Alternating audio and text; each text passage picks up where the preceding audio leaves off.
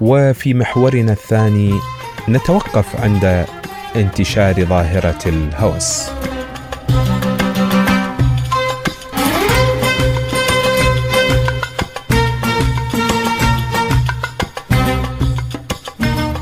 أيها الأحبة بسبب آه، وسائل التواصل الاجتماعي انتشرت كثيرا عند الناس آه، يعني شيء بأشبه بداء العظمة شخص يكتب على نفسه الشاعر شخص يكتب على نفسه في وسائل التواصل الاجتماعي الأديب. يعني كيف يصف إنسان نفسه بهذه الطريقة؟ أنت إن كنت شاعرا صحيح وبحق ما تكتب على نفسك الشاعر الأديب في وسائل التواصل الاجتماعي. لا تجعل الناس الناس ترى تعرف الناس تفرز الناس ذكية أيها الأحبة. طبعا هذه الظاهرة اللي عند بعض الكتاب والشعراء الناشئين هذه أيضا لها من آه، آه، يشجع عليها. يعني كل واحد من هؤلاء عنده فد مجموعة كبيرة تكتب له أحسنت أيها العظيم أيها الكبير أيها الأديب الخطير أيها أيها في حين هو في حقيقته هو لا شيء هو لا أحسن ولا أديبا ولا خطيرا ولا كبيرا ولا مبدعا ولا إلى آخره. لأنه جزء من صفات المبدع هو الصمت. الشاعر محمود البريكان كان شاعرا كبيرا عظيما لكنه ما كان آه، آه، يعبر عن نفسه دائما أمام وسائل الإعلام. مثلا كذلك بقية الشعراء كذلك الأدباء والكتاب الكبار هو عملهم من يتحدث عنهم. يعني هو دائما 24 ساعة تتصور شاعر أو كاتب كبير عنده وقت دائما يطلع يتحدث به عن نفسه. لذلك قيل تكلم لكي أعرفك. كيف لي أن أعرف الإنسان إذا لم يتكلم؟ فاللسان فضاح أيها الأحبة. ونتيجة لذلك الإبداع الفعلي الإبداع الفعلي هو عندما يكون الإنسان فاعلا في مجاله. كاتبا حقيقيا مفكرا حقيقيا شاعرا اديبا إلى آخره. وطبعا هذا ما يأتي من فراغ أو من فراغ عفوا. إنما يأتي عندما يكون فاعل للدفاع عن قضايا أمته. التوقف عندها لذلك قيل جرامشي يقول المثقف العضوي من هو المثقف العضوي هو الذي يكون جزءا من المجتمع ويكون له كيانا فاعلا داخل هذا الجزء من المجتمع والذي قد يمتد إلى بقية الأجزاء. لذلك أحبتي أقول هذا ال ال الانعدام حتى أساسيات اللغة في بعض الأحيان هو الذي يفضح هؤلاء. فقط هوس هوس بالشهرة. يكتب قصيدة غير نظامية ويعبر بها عن نفسه بأنه شاعر. وبذات الوقت هذه القصيدة تفتقر إلى أساسيات الكتابة في اللغة العربية ناهيك عن أساسيات الشعر.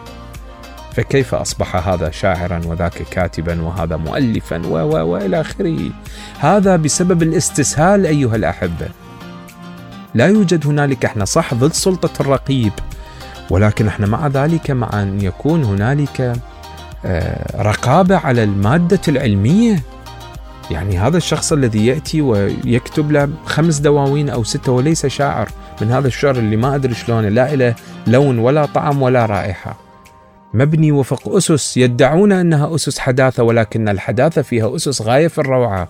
فيها أسس الصورة والتخيل والإيقاع الشعري وغيرها وهي كلها مفتقدة في القصيدة التي يعبر عنها بقصيدة النثر. شنو قصيدة النثر؟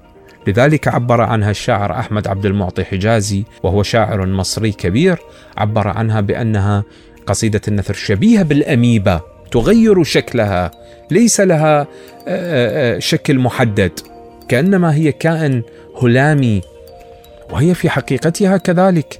ما نقرأه الآن هو كذلك.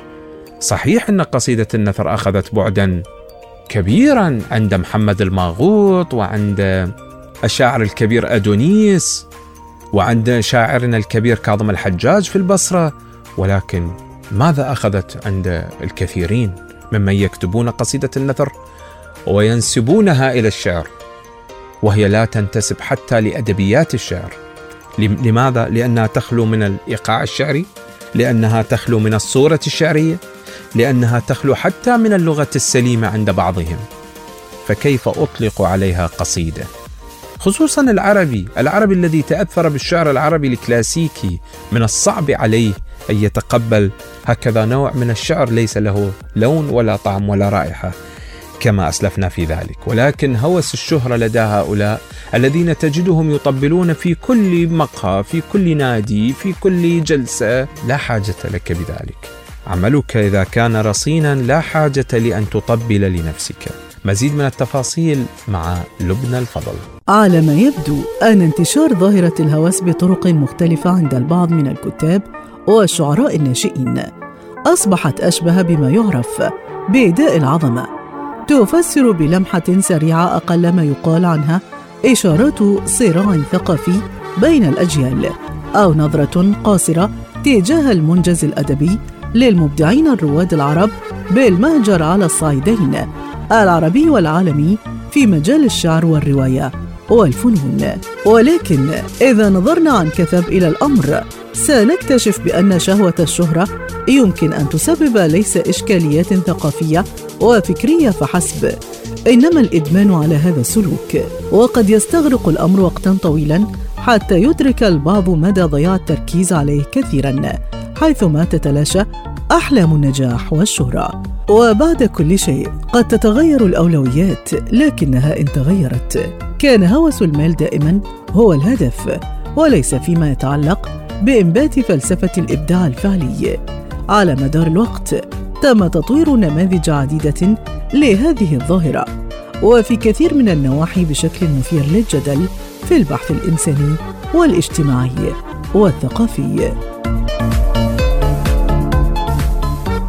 عدم فهم هؤلاء فلسفة العلاقة بين الإنتاج الأدبي ومصير الإنسان على اعتبار أن للثقافة الأدبية غايتين الأولى من شأنها نشر الوعي واستخدامه لبلورة عناصر التأمل والتفكير في المحيط الاجتماعي الثقافي. الثاني أن يكون عنصرا فاعلا للدفاع عن قضايا الإنسان الذي لا زال ذلك حيويا ولم ينفصل منذ أول ملحمة شعرية جيل جامش قبل آلاف السنين ولغاية اليوم. وما زال أيضا في غاية الأهمية لرسم الخريطة الثقافية العربية وبالأخص أدب الشعر والرواية واتساع حجم روادها في العالم.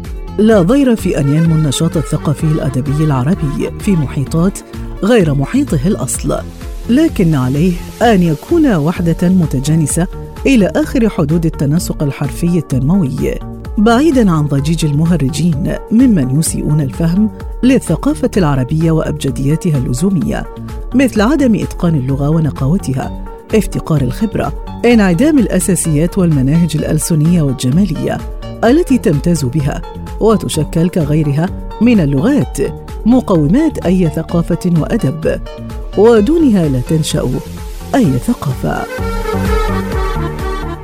إذا فلسفة الإبداع الفعلي كما أشار إليها التقرير ليست موجودة لدى هؤلاء.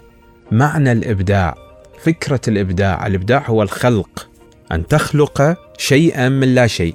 هؤلاء ليسوا بخلاقين للقصيدة ولا بخلاقين للفكرة ولا بخلاقين لمعنى الكتابة، بل خلاقين للصورة، الصورة ليست الشعرية أو الأدبية لا الصورة التي يلتقطونها في المناسبات وينشرونها على وسائل التواصل الاجتماعي.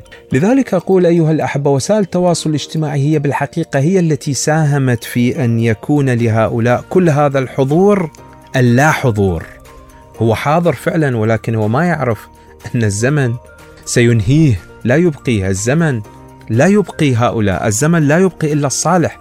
بالمناسبة هي هذه نظرية التطور. البقاء للأصلح. حتى في الشعر في الأدب في في الهندسة في الفكر في العلوم ما يبقى الشيء غير الصالح ما يبقى.